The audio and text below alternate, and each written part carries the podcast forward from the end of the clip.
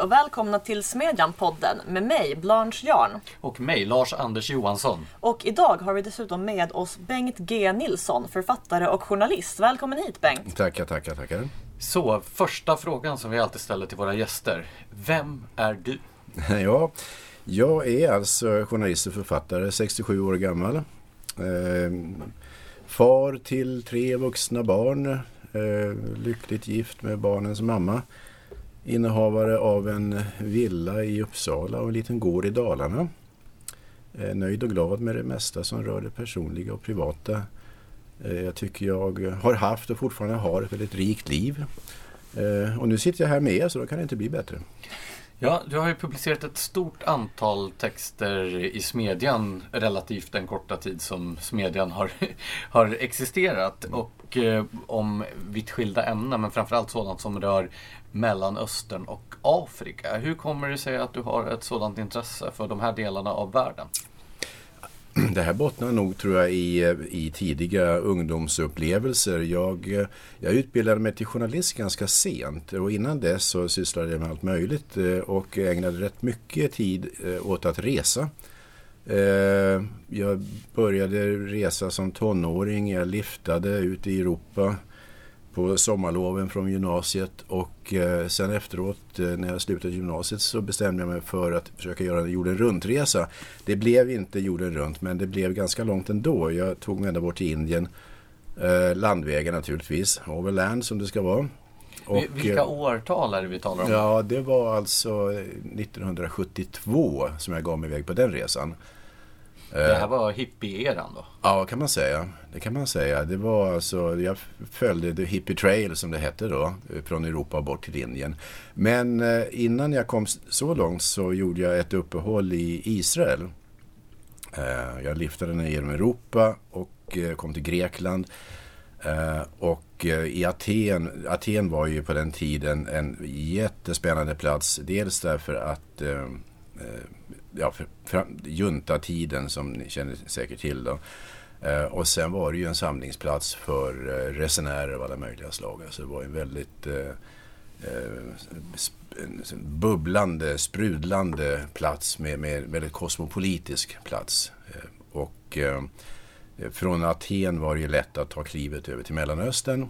Och då tyckte jag att det kunde passa bra att tillbringa vintern, för det här var sent på hösten jag gav mig iväg, tänkte tillbringa vintern i Israel. Eh, så jag åkte till Israel och tänkte här kan jag kanske vara ett par månader. Men så hamnade jag på en kibbutz som så många andra på den tiden. Och eh, bestämde mig då gradvis för att eh, skjuta upp min, min eh, vidare resa därifrån. Så jag blev kvar där i nio månader. Och en kibbutz alltså ett jordbrukskollektiv? Jajamensan, och det frågar du därför att du är så ung. Men på min tid då, då visste alla vad en kibbutz var. Det var en jättestor grej i världen. Alltså, det fanns ju svenska organisationer, Svekiv, Svenska kibbutzvänner som arrangerade resor dit. Och alla unga människor visste ju naturligtvis vad, vad en kibbutz var. Idag så är det ju praktiskt taget dött. Alltså Alltså det förekommer knappt längre tror jag. Kan det ha att göra med att eh, vänstern har bytt fot i frågan just om Israel? Nej, det tror jag inte.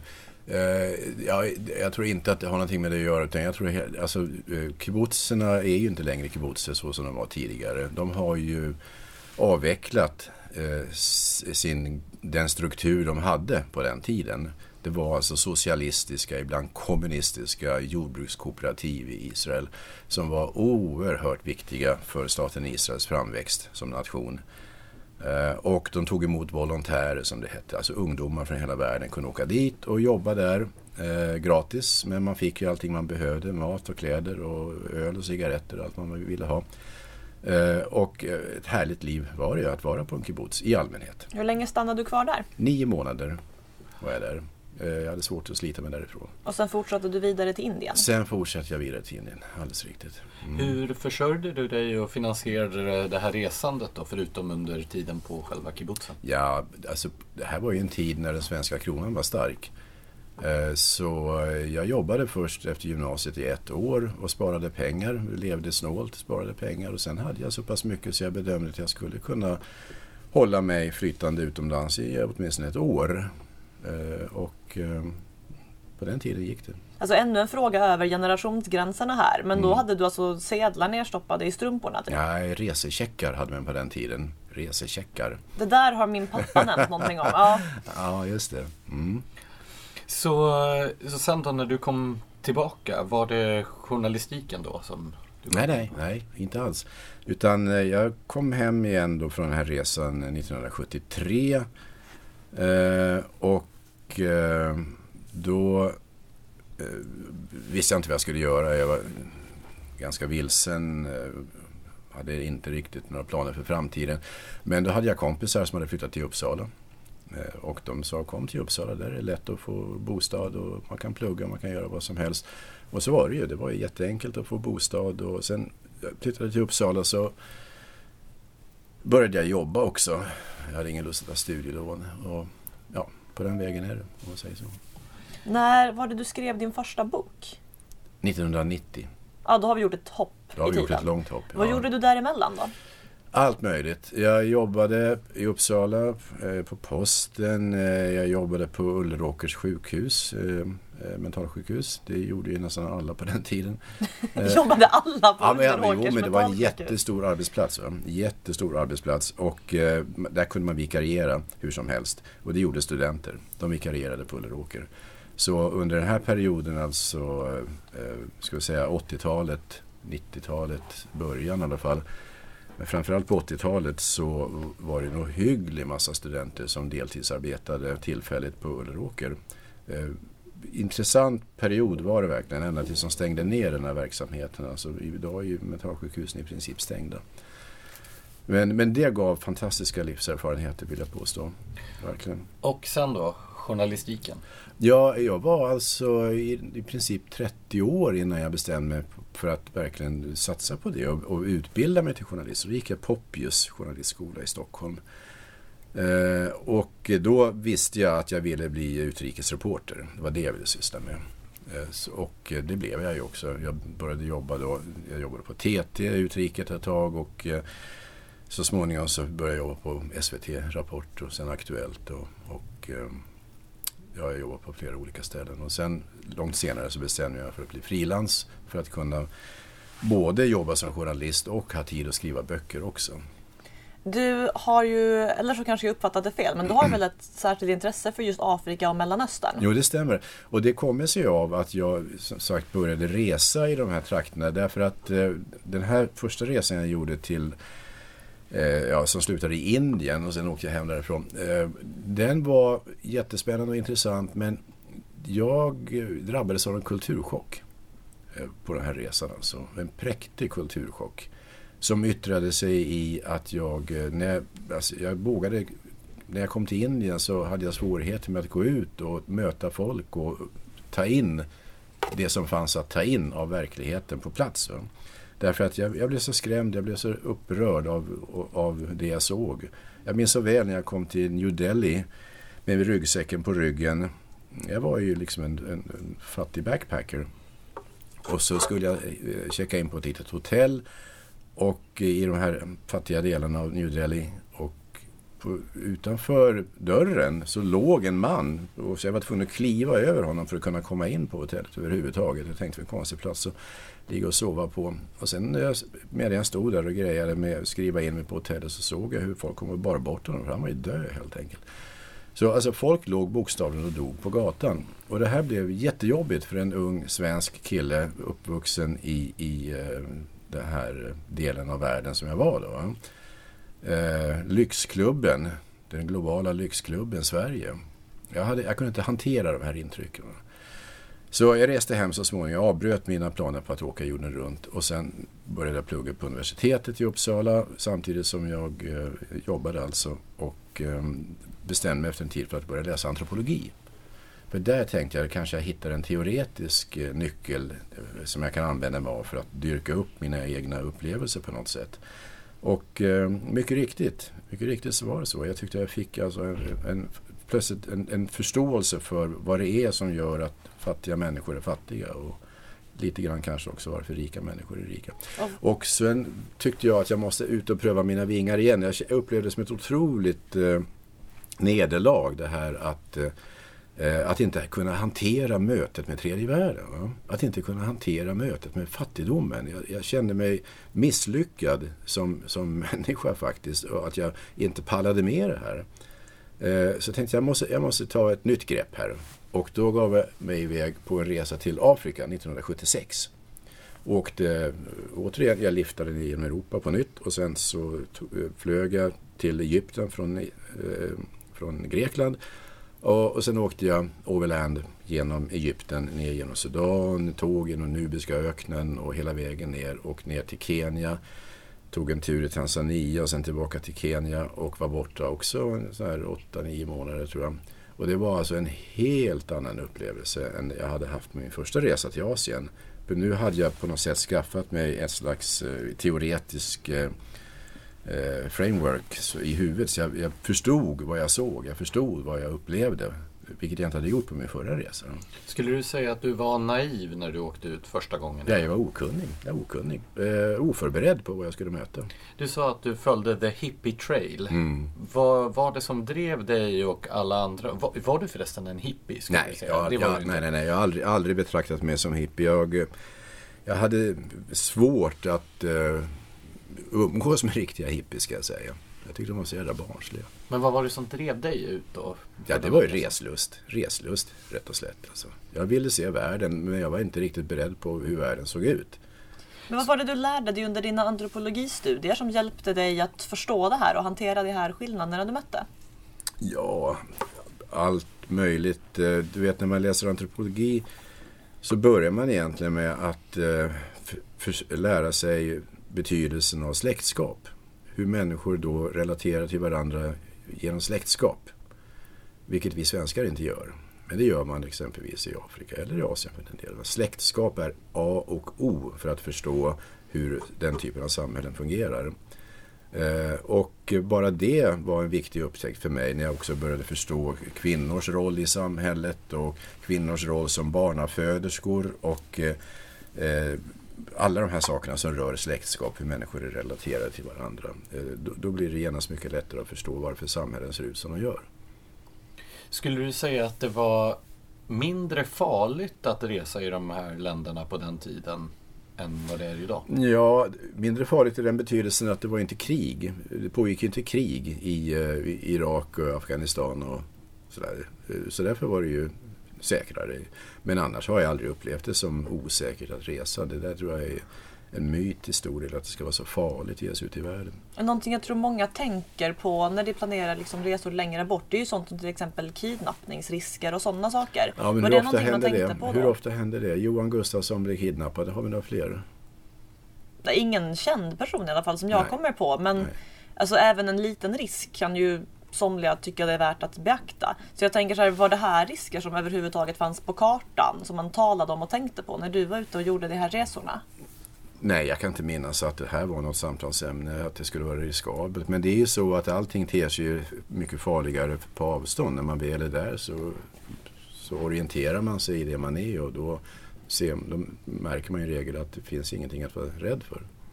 Nu kanske vi börjar närma oss ändå ditt författarskap mm -hmm. och dina böcker. Vad var den första boken du skrev? Vad handlade den om? Hörru du, eh, min första roman eh, som jag gav ut på Bonniers förlag 1990. Den heter En bil åt Mr Singh. Eh, och den utspelar sig i Kenya. Och folk som läser den, de tänker förstås, aha, självbiografisk och sådär. Det är den inte. Den är absolut inte självbiografisk. Det där är ju ett, ett fel som många läsare gör. Att de har en tendens att betrakta allting som skrivs i jag-form som någon typ av nyckelromaner. Att det är liksom självbiografiskt. Det är det naturligtvis inte. Den, den är skriven i jag-form men det är bara ett berättargrepp. naturligtvis. Man kan ju välja jag-form eller tredje person. Det är ju valfritt. Men jag valde jag-form för det kändes naturligare för mig att liksom krypa in i skinnet på min huvudkaraktär och agera utifrån det. Eh, det är en... Eh, det, det, den boken blev väldigt uppmärksammad i just sådana här backpackerkretsar. Va? Därför att i grund och botten så handlar den om en, en svensk kille som eh, hamnar i Kenya och bestämmer sig för att stanna där och som försörjer sig som frilansjournalist och hamnar i en stor eh, egendomlig korruptionshärva i Kenya Samtidigt som man umgås med eh, sina fattiga afrikanska vänner boende på ett litet skabbigt hotell i Nairobis utkanter. Och eh, inleder ett kärleksförhållande med en eh, somalisk flicka och så vidare. och så vidare. Är det här en spänningsroman? Eller? Ja, det kan man gott säga att det är. Det är absolut en spänningsroman. Man, kan, man skulle kunna kalla den för politisk thriller också, fast det är inte riktigt sant tycker jag. Det är, det, det, ja, spänningsroman definitivt. Din eh, senaste skönlitterära bok är också en spänningsroman, mm. Operation Axum, som utspelas i Etiopien framförallt. Mm. Eh, den gav du ut på eget förlag. Ja. Hur kommer det sig? Ja du, eh, jag gav ut, alltså nu måste jag tänka efter här, ett antal romaner på Bonniers. Eh, det var väl fyra stycken åtminstone och två stycken ungdomsromaner för Bonnie Carlsen. Eh, och sen ja, kom jag liksom av mig i mitt romanskrivande eh, och sysslade med annat. Skrev några faktaböcker och när jag sen bestämde mig för att börja jobba på den där Operation Axum så min förläggare på Bonniers, Hans Isaksson, levde inte längre. Han hade dött. Eh, jag hade tappat personliga kontakter på förlaget skulle vara tvungen att börja om och dra i det där. Och som du kanske känner till själv så är det ju en jättesvår sak att bli utgiven på ett stort eh, och känt förlag. Och jag tänkte att någon gång måste jag börja pröva det här med att eh, ge ut på eget förlag. Jag tyckte det kändes tilltalande att kunna göra det. Eh, och det är väldigt svårt att sälja romaner dessutom, i synnerhet sådana som utspelar sig utomlands och du vet, det, det, det är en liten smal genre. Vad fick den för mottagande? Operation Axum? Ja. Eh, den fick eh, inte jättemånga recensioner. Jag tror den fick typ fem eller sex recensioner. Men de var genomgående väldigt, väldigt positiva. Sen har jag då senare, för några år sedan, så, så den finns numera som ljudbok. Med Stefan Sauk har läst in den. Eh, så den lever vidare som ljudbok också. Du är ju inte bara skönlitterär författare utan du har ju även skrivit facklitteratur på Timbro förlag dessutom, mm. eller hur? Tio år sedan var det. Sveriges mm. afrikanska krig. Jajamän. Vad handlar mm. den om? Den är en uppgörelse med svenskt bistånd eh, och eh, ett försök att Eh, ett framgångsrikt försök vill jag påstå att eh, leda i bevis att svenskt bistånd har under väldigt många år varit med och finansierat krig i Afrika, eh, upprätthållit odemokratiska regimer och på det hela taget varit kontraproduktivt för att inte säga skadligt. Ja, en snabb fråga då innan vi går in på det första själva sakfrågeämnet här. Mm. Din emblematiska mustasch vi, vi, har ju publicerat en bild på dig från tidigt 80-tal tror jag. Jaha. Där du också hade samma Hur länge har du haft den? ja, jag har haft den, tror jag, sen jag... Jag måste ha haft den sen jag gick i gymnasiet. Alltså. Ett tag hade jag skägg också. Eh, jag odlade skägg när jag var ute och reste första gången. Eh, och när jag kom hem på den där långa resan så började min mamma gråta.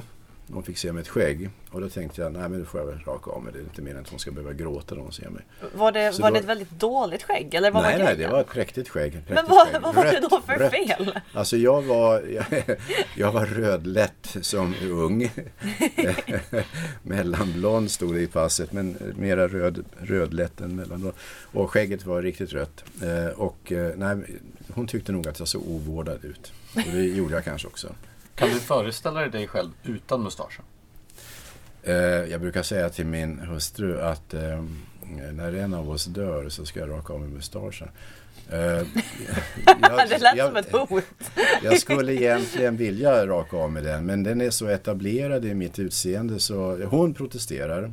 Hon hotar med skilsmässa om jag rakar av mig den. Hon kämpar för att den ska vara kvar? Ja, ja. ja, ja, ja. Och då samma sak, det är, alltså, det är samma grej fast tvärtom som min mamma. Jag, ska inte, jag, vill, inte, jag vill inte bråka om det. det den får sitta kvar där. Det finns ju en fruktansvärd, jag tror det är en fransk film som heter Mustaschen. Som handlar om en man som har mustasch och som en dag rakar bort den. Mm -hmm. Och och eh, så hoppas han att omgivningen ska märka det. Mm. Men ingen noterar det här. Ja. Och när han då till slut säger så här, men jag har ju tagit bort mustaschen. Då förnekar alla att han någonsin har haft en mustasch. Ja, det här blir ett ja. slags kris för honom. Ja, ja, ja. men alltså det är intressant med, med ansiktsbehåring. va, Därför att eh, eh, jag, jag, jag hade faktiskt lite skägg också. Ett kortare skägg långt, långt senare. Eh, och eh, sen bestämde jag mig för att eh, raka av det också. För jag var inte nöjd med det. Jag hade bara en kortare tid. Men eh, då, då en kvinnlig bekant kom hem till mig, ringde på dörren och steg in. Och så mötte jag henne i dörröppningen och tittade hon på mig så här. Så sa hon, har du skaffat mustasch? hon såg att någonting var fel men hon kunde inte riktigt se vad det var. Va? Att, eh, jag hade rakat av mig skägget, hon uppfattade det som att jag hade skaffat mustasch. Eh, Vi publicerade ju en artikel i början av året. Jag tror faktiskt till och med att det var årets första artikel 2018. Det var det. Som eh, under rubriken Därför har jag bytt ståndpunkt i Israel-Palestina-frågan. Mm. Och det här blev inte nog med att det var årets första artikel. Det är också hittills årets mest lästa artikel från Oj. 2018. Menar du? Så att vi började då 2018 på topp och sen gick det bara utför. All right. Men det här visar ju att det här är ett ämne som eh, väcker intresse i, eh, för, hos en svensk publik. Så jag tänkte fråga dels varför du tror att just Israel-Palestina-konflikten har en sån sprängkraft och sen lite om bakgrunden till då varför du bytte ståndpunkt i den här frågan. Mm, alltså jag är inte helt bergis på att det är själva sakfrågan, Israel-Palestina-frågan, som är avgörande här. Utan det kan ju mycket väl vara, alltså det finns ju en, en, eh, ett intresse för människor som byter åsikt. Eh, och jag kan mycket väl tänka mig att det är det som spelar in här också, rubriksättningen. Eh, jag tror att med en annan rubrik som kanske lite grann hade mörkat den detaljen hade kanske inte lockat lika mycket till läsning. Eh, jag tror att det kan vara så. Men ändå när det gäller Israel-Palestina så där tror jag också att intresset för den frågan var ju mycket, mycket större om vi backar tillbaka 10, 15, 20 år. Den, den där frågan är ju inte alls lika het längre. Eh, och det är väl bara bra tycker jag därför att den har ju blockerat väldigt mycket annan viktig, alltså viktiga diskussioner kring vad som händer i Mellanöstern. Eh, Den har tillåtits eh, ta allt för stor plats vill jag påstå. Frågan om eh, Israels relation till palestinierna. Hur såg konflikten ut när du hamnade i Israel första gången och arbetade på kibbutz? Ja, den, då var ju inte konflikten särskilt uppenbar. Eh, därför att jag kom dit alltså 1972. Eh, då, fem år tidigare, hade Israel mycket framgångsrikt slagit tillbaka ett anfall från omkringliggande arabländer. Erövrat stora områden från Jordanien, från Egypten, från Syrien. Eh, utvidgat alltså sitt territorium enormt. Men samtidigt också förvandlats till en ockupationsmakt. Och där, det där var ju en otroligt viktig eh, avgörande period i Israels historia. När Israel gick då från att vara en underdog, beundrad och stöttad av i princip hela världen till att bli en ockupationsmakt. Då bytte ju eh, individer och regeringar och organisationer ståndpunkt när det gäller relationen till Israel. Eh, och kom att bli mycket, mycket mer kritiska. Ja, idag är ju det där en väldigt polariserad fråga där framförallt vänstern tenderar att vara väldigt kritisk till åtminstone Israel och ibland även israeliter i allmänhet, vilket Mm. väl är där problemen uppstår, medan man till höger tenderar att vara mer eh, Israelvänlig. Eh, för, visst var det förra året vi gav ut eh, med skuldkänslan som drivkraft? Ja. Mm. Ja, eh, av David Andersson som beskriver det här som två skilda världsbilder. Där just vänstern ser en, eh, ja, men en, en överlägsen, inte bara en ockupationsmakt utan snarare en så här, du vet, det är, en sorts första vs tredje världen Mm. grej medan högern ser en demokrati och en diktatur. Mm. Håller du med om den här eh, förklaringen till vad det här, den här skiljelinjen beror på? Ja, vänstern och inte bara vänstern utan alltså många eh, som inte anser sig vara vare sig höger eller vänster har nog haft under väldigt lång tid en otroligt okunnig uppfattning om hur arabländerna fungerar politiskt. Och det är väl egentligen först med den här så kallade arabiska våren som visar sig väldigt snabbt övergå i höst eh, som folk har fått klart för sig hur djupt odemokratisk, för att inte säga diktatorisk, hela arabvärlden är. Alltså, hela arabvärlden lider ju av ett kraftigt demokratiunderskott och med det följer ju ett, eh, ett, folk, ett förtryck alltså av människor. Araber är generellt ofria i sina länder. Medan Israel däremot ju byggdes som en solid demokratisk stat och sen har utsatts för väldigt många hårda påfrestningar fram till där landet befinner sig idag. Eh, och eh, det här har ju påtalats från många håll, den stora risken som Israel nu löper att eh, sakta men säkert förlora sin demokratiska profil. Senast Nathan Shachar skrev om det här i Access Eh, helt nyligen. Eh, och eh, jag tycker nog att den demokratiska världen, dit Sverige hör, har ett jättestort ansvar att stötta Israel och stötta de demokratiska krafterna i Israel för att det landet ska överleva som demokratisk nation. Och det har vi inte gjort. Vi, då menar jag Sverige som nation, har inte gjort det under väldigt lång tid. Därför att vi har haft en regering, socialdemokrater, som har gjort en fullständigt felaktig analys av vad som pågår i Mellanöstern. De har vägrat se fakta. Va, var är då felen i den här analysen?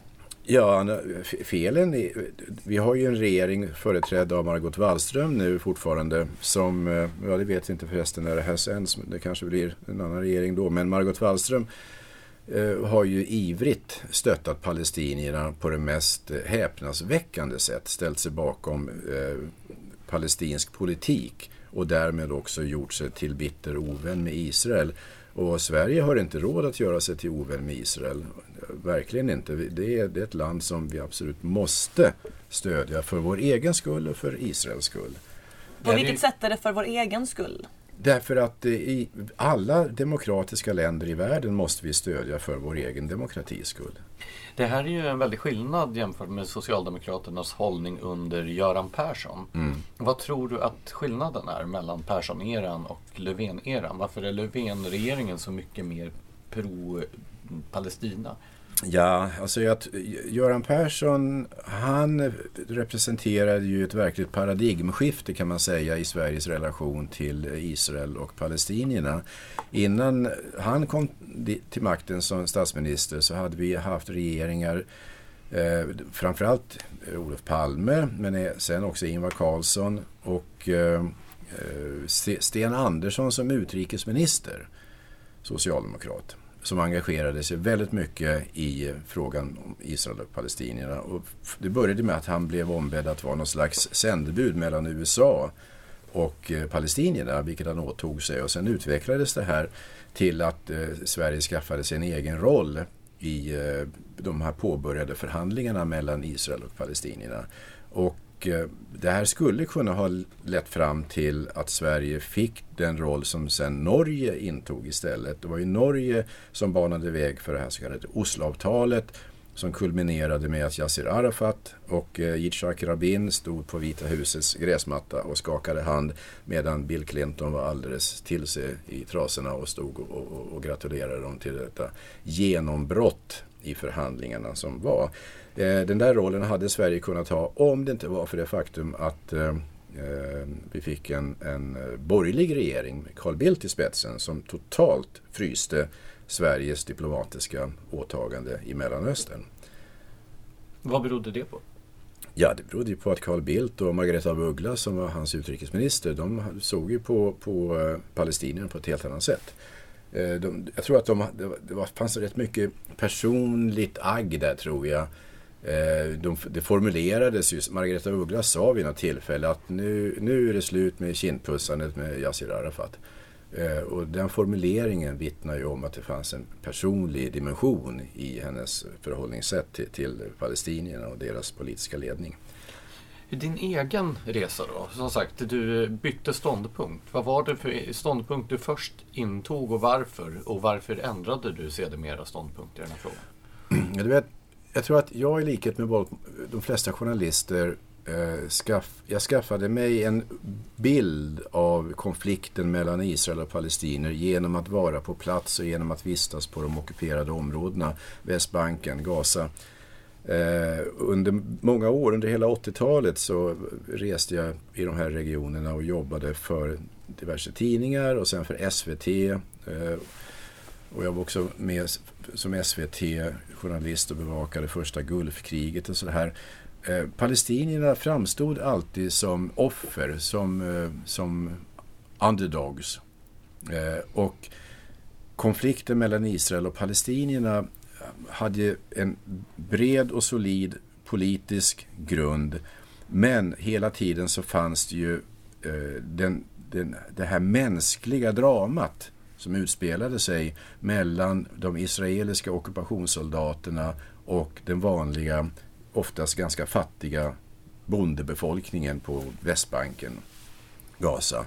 Och när man som journalist rör sig i den miljön och träffar människor som har blivit vräkta från hus och hem och förhindras att ta sig till sjukhuset därför att israelerna satt upp en vägspärr och massa sådana saker. Så, så fylls man av, av känslor inför det här och känner att det är palestinierna som är offer. Eh, och det är väldigt lätt då att, att inta en attityd till hela problematiken baserad på känslomässiga upplevelser. För min egen del så sveptes jag med rätt mycket av det här samtidigt som jag faktiskt hade en kritisk, hela tiden, en, ett kritiskt betraktelsesätt gentemot det här också som härrörde sig från min tidiga vistelse på kibbutzen 1972 och 73. Och där tror jag att jag faktiskt skilde mig en del från många kollegor som inte hade haft den upplevelsen. För min första introduktion till regionen var ju eh, när jag kom in i det israeliska samhället och bodde och arbetade tillsammans med israeler, judiska israeler på kibbutzen. De blev mina vänner. När jag reste omkring på de ockuperade områdena och såg de här unga, ofta väldigt osäkra israeliska soldaterna som stod med full beväpning och bevakade eh, palestinier som försökte röra sig hit och dit och åka från den ena platsen till den andra.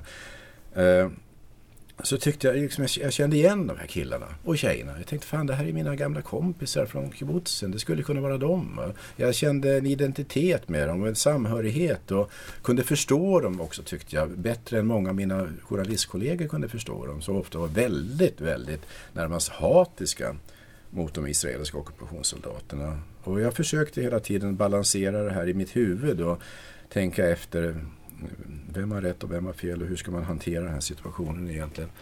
Eh, sen, jag, sen, sen gav jag upp för egen del kan vi säga bevakningen av den regionen och började ägna mig åt Afrika istället. Och när jag fick lite distans till eh, Mellanöstern-problematiken, alltså problematiken Israel-Palestinier, så kunde jag också börja se klarare vad som var vad. Och jag tycker jag har liksom utvecklat en större egen Eh, politisk analys av det hela som enklast kan sammanfattas i orden vi måste stötta Israel för det är faktiskt en demokrati och arabländerna är inga demokratier. I den här frågan så brukar ju även experter på området ofta lyfta det här som kanske den mest svårlösta eller till och med en olöslig konflikt mm. i hela världen. Mm. Tror du att Israel-Palestina-konflikten har en, liksom, en lösning som kan fungera på sikt? Ja, jag har hört, alltså jag hörde ju framförallt på den tiden när jag jobbade aktivt med de här frågorna så hörde jag många säga att det här, det här är en konflikt som inte går att lösa. Och det tycker jag låter egendomligt kategoriskt för jag vill nog gärna tro att alla konflikter går att lösa. Eh, inte idag och inte imorgon kanske, men över tid. Eh, och det som händer nu i, i hela Mellanösternregionen är ju att lojaliteterna håller på att stöpas om. Eh, idag är det inte längre Israel som är arabländernas fiende. Om det någonsin har varit det.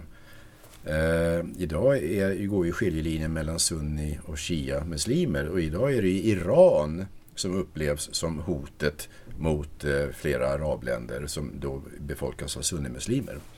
Iran är ju shia-muslimskt och där ser man ju tydligt nu hur eh, flera arabländer, eh, Bahrain, Qatar, Saudiarabien, flera håller nu på att upparbeta relationer med Israel, skaffa sig diplomatiska kontakter med Israel, vilket var otänkbart bara för några år sedan. Så vad som behövs är alltså en annan fiende? Ja, precis. Det behövs en annan fiende som nu börjar utkristalliseras i form av Iran och eh, de som Hezbollah i eh, Libanon och, eh, i Syrien. Och så, så hur tror du att situationen i Mellanöstern ser ut om 50 år? Ja, jag kan tänka mig att då existerar inte längre den här Palestinafrågan som en egen enskild fråga. Då har den på något sätt inkorporerats i någonting annat och förhoppningsvis så har palestinierna som individer eh, fått en, ett, ett, ett, annat sätt att, eh, för, att skapa sig värdiga liv. Därför att den stora tragedin tycker jag i det här det är ju alla dessa palestinier som tvingas uthärda hela livet som flyktingar därför att de inte tillåts bli medborgare i de länder där de har bott nu sedan 1948 i en del fall. Det vill säga de andra arabländerna? Andra arabländer. Libanon, Syrien, Irak, Jordanien. Och vad beror det här på? Det beror på ett gammalt beslut från, alltså från 1940, 1948 när staten Israel grundades. Så eh, bröt krig ut därför att arabländerna runt omkring attackerade. Israel ville inte acceptera den delningsplan som FN hade presenterat. FN hade alltså gjort upp en delningsplan där sionisterna, de som skulle bli staten Israel, fick en del och palestinierna skulle få en annan del. Det här var ju resten av det gamla osmanska väldet som skulle styckas upp och göras om. Eh, Israel accepterade gränsdragningen, arabländerna accepterade den inte. Och det blev krig. Eh, Jordanien, Syrien, Egypten attackerade. Irak var med på ett hörn. Eh, och alla de arabländerna förlorade. Israel vann, utvidgade sina gränser och människor flydde en masse österut. Eh, så det var alltså en total flykt av araber från det som skulle komma att bli staten Israel. Det var bara drygt 150 000 som stannade, resten bara flydde. Eh, de kom då att bosätta sig i flyktingläger som administrerades av en nyinrättad FN, nyinrättat FN-organ som heter UNRWA. Eh, och eh, där fastslogs det omedelbart att de här flyktingarna skulle ha rätt att återvända. Det tyckte FN och det tyckte också arabländerna. Arabförbundet som då fortfarande var ganska litet men som har vuxit sedan dess. Och det här etablerades då som en absolut ovedersäglig sanning att flyktingarna har rätt att återvända och därför ska de inte tillåtas få medborgarskap i något av de här länderna där de då tvingades bo som flyktingar. Libanon, Syrien, Jordanien, Irak. Eh, utan de skulle bara bo där i väntan på att de skulle kunna få återvända dit de hade blivit fördrivna ifrån. Och Israel sa från början att det kan ni glömma, de kommer inte återvända. Och då kan man alltså inte i de här grannländerna till Israel ha ett vanligt liv där man så bor och Nej. jobbar utan att vara medborgare? De är statslösa. De absolut flesta palestinierna är ju statslösa. Det innebär att de har inget pass. Eh, de kan inte låna pengar på banken som vanligt folk. Eh, de har jättestora svårigheter med att äga egendom, alltså fastigheter. Eh, att vara statslös är fruktansvärt. Det är att tillhöra liksom, tredje sorteringen i mänskligheten. Och de är statslösa. Eh, och det, här, och det är de därför att arabländerna har bestämt att de ska vara det. Eh, jag hävdar att eh, det här hade kunnat lösas omedelbart om arabländerna hade varit villiga att eh, acceptera palestinierna som, som medborgare och gett dem medborgarskap. Men då hade ju inte heller flyktingfrågan kunnat användas som påtryckningsmedel i politiska förhandlingar. Det finns ju en annan fråga du också har skrivit om i Smedjan, fast lite mer nyligen, där du tar upp just det här problemet med warehousing mm, refugees som mm, det kallas. Mm. Nämligen Västsahara som ju mm. också är ännu en eh, politiskt infekterad mm. konflikt. Berätta mer om den. Ja, alltså det finns ju stora likheter mellan Västsahara-frågan och Palestina-frågan och den stora likheten det är just då hur flyktingarna behandlas. Eh, för Västsahara, det är väl för de flesta svenskar en väldigt okänd konflikt misstänker jag. Eh, jag vet inte, tycker ni att jag ska redogöra för den i korthet? Ja, men lite kort vore väl bra ändå? Ja, alltså Västsahara eh, är ett ett definierat landområde eh, allra längst i nordvästra Afrika, eh, gränsar mot Atlanten och sen mot Marocko, Mauretanien och Algeriet. Eh, och var tidigare en spansk koloni som eh, ockuperades av Marocko för ett större antal år sedan. Och då bildades en befrielserörelse, en nationalistisk rörelse som heter Polisario som kämpar då för att Marocko ska dra sig tillbaka, ge upp Västsahara att Västsahara ska kunna bli en egen nation under ledning av Polisario. Och Polisario är då under starkt inflytande av Algeriet. Algeriet använder sig av Polisario som en, en, ett redskap för att kunna uppnå sina egna politiska mål i, i Västafrika. Och det är alltså att komma åt ett antal lukrativa hamnar? Ja, hamnarna. Eh, Algeriet har ju ingen Atlanthamn själv. Har ju bara hamnar i Medelhavet. Eh, Algeriet vill skaffa sig tillgång till Atlanten. Algeriet vill skaffa sig tillgång till de stora fosfatfyndigheterna i landet. Och Algeriet vill överhuvudtaget vidga sitt politiska inflytande i den här delen av Afrika. Eh, och använder sig då av Polisario som ett verktyg för att uppnå det som sagt. Och då har vi då ett antal flyktingar från Västsahara som lämnade landet när Marocko ockuperade det här. Eh, och de bor i flyktingläger i en, eh, sydvästra Algeriet. Och under samma förhållanden som palestinska flyktingar tillåts inte bli medborgare i Algeriet, eh, tillåts i princip inte lämna lägren och så lever en fruktansvärt usel tillvaro där. År efter år, decennium efter decennium. Och det finns absolut ingenting som pekar på att Marocko kommer att eh, ge upp sina anspråk på Västsahara och att låta Polisario komma till makten. Så de människorna som lever i flyktingläger de kommer att fortsätta där och deras barn och deras barnbarn och deras barnbarnsbarn. Och det här är alltså en, en, en, en djup tragedi för människor. Du recenserade ju då eh, Anna Roxvalls och Johan Perssons bok om mm. situationen. Och då menar du att de hemfaller åt då en typisk svensk gerillaromantik? Ja, det tycker jag.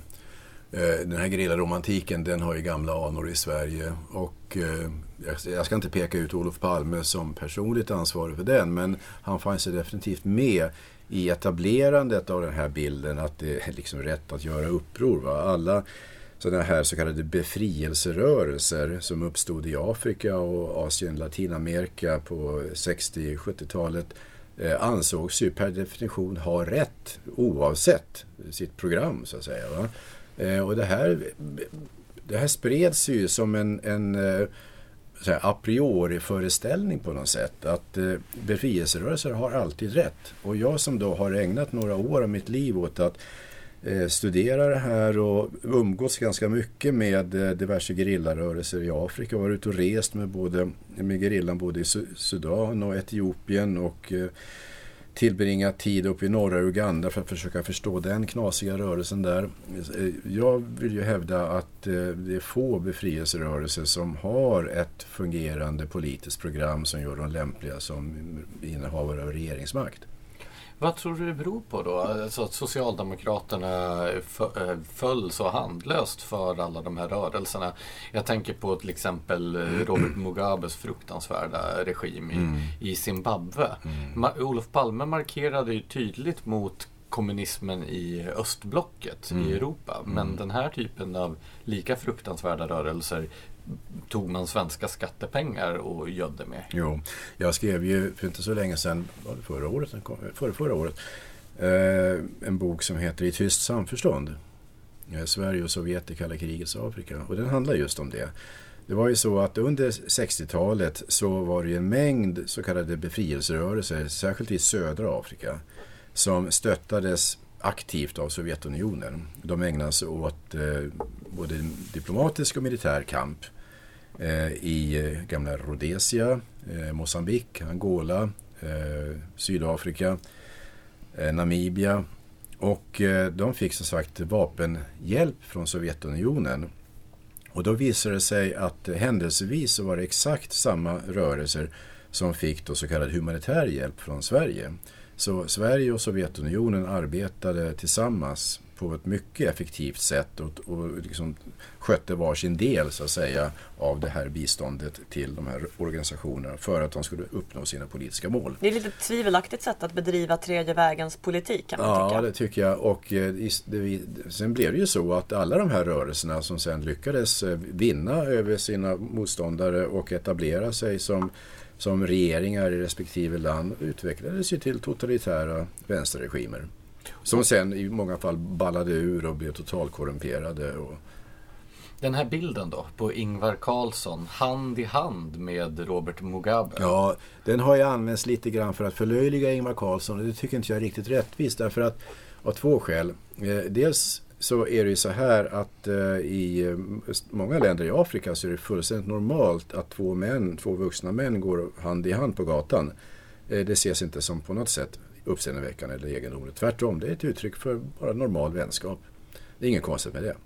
Så, normal vänskap kanske är lite konstigt mellan en demokratiskt vald ledare jo, för ett land och en jo, diktator. men då kommer jag till det andra, andra skälet till att jag tycker bilden är lite missvisande. Och det är det att på den tiden så var ju inte Robert Mugabe hade inte riktigt visat sitt rätta jag om vi säger så på den tiden. Han var ju en, en eh, företrädare för en, en befrielserörelse som hade starkt stöd från stora delar av världen. Han satt i fängelse väldigt länge. Han presenterade sig som en intellektuell, som en politisk tänkare och eh, åtnjöt stor respekt i breda lager vill jag påstå.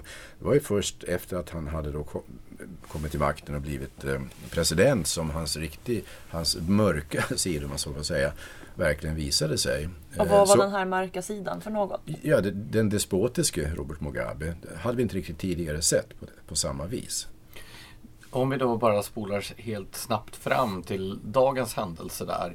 Eh, hur ser det ut nu i, i Zimbabwe efter Mugabe? Ja, det har inte hänt mycket. Mnangagwe, är, det, är han att föredra?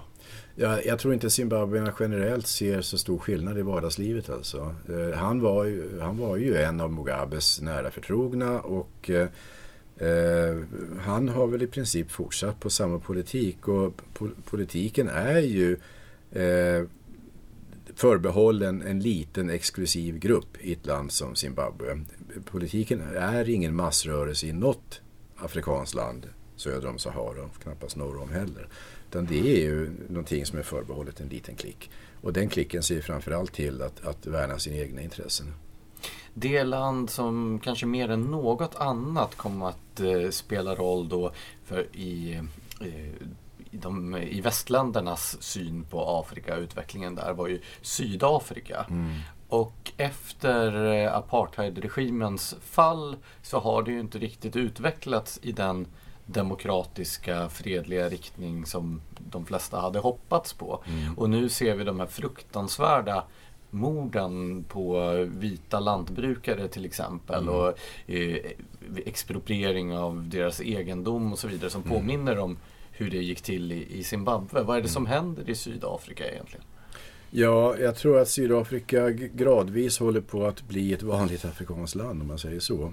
Och det är, inte, det, det, det är inget beröm när jag säger det utan det är med sorg jag påstår att det faktiskt är så. Eh, och exakt vad det där beror på, att demokratin urholkas, att särintressen eh, tillåts eh, härja fritt. Eh, jag kommer tillbaka till det här som jag nämnde om studiet av antropologi, betydelsen av släktskap. Släktskap är väldigt, väldigt viktigt i alla afrikanska länder. För att förstå afrikansk politik måste man förstå det här med släktskap. Man måste förstå hur, hur makten behålls i små grupper som ofta är relat, alltså relaterade in, inbördes med eh, hjälp av släktskap. Folk som kliar varandra på ryggen så att säga och ser till att behålla makten därför att det, det gynnar dem att eh, hålla makten i en liten krets. Eh, det vita Sydafrika gjorde ju anspråk på att vara en demokratisk stat för de vita. Och var ju säkert också det. Med en livaktig politisk debatt hela tiden eh, ett privilegium för de vita. Men lika fullt i den gruppen så pågick det ju en livaktig politisk debatt, fria val och så vidare. Och så vidare. Och den här tanken på att kreti och pleti ska kunna ha eh, åsikter om vem som ska styra landet, den idén har liksom aldrig riktigt slagit rot i svarta Afrika. Men ANC framställdes ju, åtminstone i väst, som ett slags demokratisk befrielserörelse. Ja, jo, det var ju nödvändigt att presentera det så för att kunna motivera varför vi stöttade ANC så mycket. Så vad är i själva verket ANC för typ av rörelse? Ja, ANC är ju också en, en, eh, en rörelse som, eh, en elitistisk rörelse i allra högsta grad. Eh, och har väl, tycker jag, spelat ut sin roll. Eh, ANC hade en viktig roll i kampen mot apartheid. Apartheid var ju en, en pervers samhällsordning, verkligen. Eh, och det är klart att, att det var absolut jätteviktigt att störta apartheid, vilket också skedde. Men när det väl var gjort så borde man ha försökt få fram ett annat ledarskap. Eh, det här är någonting som genomgående i afrikanska länder där man då har haft en, en militär kamp för att eh, skaffa sig makt över gamla kolonialregeringar och sådär. Att när den makten är erövrad så alltså visar det sig att den, de ledande militärerna kränger av sig uniformerna, tar på sig en civil kostym och sätter sig och ska regera. Men fortsätter att agera och att tänka som om de fortfarande låg kvar i skyttegravarna. Den här eh, helgonglorian som Nelson Mandela fick i väst, var den befogad? Är bilden av Nelson Mandelas person rättvis? Ja, han var ju en väldigt stark sammanhållande kraft. Eh, det var han ju. Sen begick han misstag också och han var ju också offer för det här som jag säger, det här elitistiska tänkandet som har sina rötter i, i, i hur gamla afrikanska strukturer. Eh, men totalt sett så tycker jag nog att eh, Nelson Mandela hade... Det fanns inget alternativ till honom. Eh, han bäddade ändå för en mjuk övergång från apartheid till någonting som då skulle bli, trodde man, en demokratisk stat. Och att det inte blev det kan vi nog kanske inte lasta honom för. Du har ju inte bara skrivit om olika afrikanska länder i Smedjan och deras problem och möjligheter utan även eh, debatten på en lite högre nivå om kulturrelativism, hur man ser på, på olika andra kulturer och jämför dem. Mm. Då utgick du ifrån boken Timbro publicerade av Fredrik Segerfeldt, Den svarte mannens börda. Mm. Vad tänkte du när du läste den? Ja, jag tänkte väl eh, dels gratulerade jag Fredrik till att ha åstadkommit en gedigen eh, genomarbetad bok, välresearchad Eh, jag för egen del kände väl inte att det fanns så mycket nytt sådär. Att jag tyckte att eh, wow, det här har jag aldrig hört talas om tidigare. Eh, men jag förstod ju att många läsare som inte delar mitt aktiva intresse för Afrika kommer säkert att tycka att det finns mycket nytt i den. Och det har ju visat sig också i recensioner och det som har skrivits om den. Att många, somliga missförstår den totalt och andra jublar för de tycker att de har fått lära sig någonting alldeles nytt. Eh, jag tycker boken den kom i rätt tid och den, den, den bör läsas tycker jag. Men hur hänger det här ihop med kulturrelativism? Ja, alltså kulturrelativismen är ju ett slags allmänt begrepp som predikar att eh, det går inte att peka ut eh, kvalitetsskillnader mellan olika så kallade kulturer vad nu en kultur är för någonting. Men det, det, det, här är en svår fråga att diskutera och debattera tycker jag därför att mm, man rör sig hela tiden med begrepp som är lite svårdefinierade eller odefinierade. Men eh, själva grundpremissen eh, att eh, alla i världen är lika goda kålsupare på något sätt. Va? Det ställer jag definitivt inte upp på. Och där tycker jag att är det någonting jag har lärt mig av mina resor, ganska omfattande resor i världen, så är det ju naturligtvis att eh, det är väldig skillnad på eh, människors förmåga att skapa välfungerande mänskliga samhällen eh, beroende på förutsättningar och beroende på var man är någonstans. väldigt många stater i världen vill jag kalla fail states, alltså misslyckade stater som inte förmår erbjuda medborgarna en, en, en värdig tillvaro på grund av strukturer som eh, regeringen i fråga, eller folkmassan i fråga inte vill göra upp med. Det handlar mycket om religion men det handlar om mycket annat också. I din text om kulturrelativism så refererar du till journalisten Richard Kapuscinski mm. som då hävdar att ett särdrag inom den europeiska kulturen är just förmågan till självkritik. Mm. Vad menar han med det? Ja, han menar just det att, eh, att han tittar ju på Europa och framförallt då Västeuropa. Eh, han var ju polack själv och levde ju i ett, ett, en, en kommuniststyrd stat där självkritik eller kritik överhuvudtaget var förbjudet. Eh, och eh, han betraktade ju då Europa, Västeuropa eh, där, som han hade besökt och han tog till sig den öppna politiska debatt som rådde i framförallt Tyskland som han kände väl. Eh, och såg ju att eh, vad är det som för samhällsutvecklingen framåt? Jo, det är att människor hela tiden ifrågasätter, stöter och blöter och säger har vi gjort rätt? Kan vi göra det på ett annat sätt? Går det här att ändra på? Och den typen av frågor var ju i princip förbjudna i det kommunistiska Polen. Och han ser då samma sak i Afrika där han var eh, korrespondent och rörde sig i en otrolig massa afrikanska länder så såg han precis samma typ av rigida tänkande där. Att det här är folk som inte vill eller kan eller vågar ifrågasätta existerande strukturer utan bara blint kör på och gör om samma misstag som deras föregångare har gjort.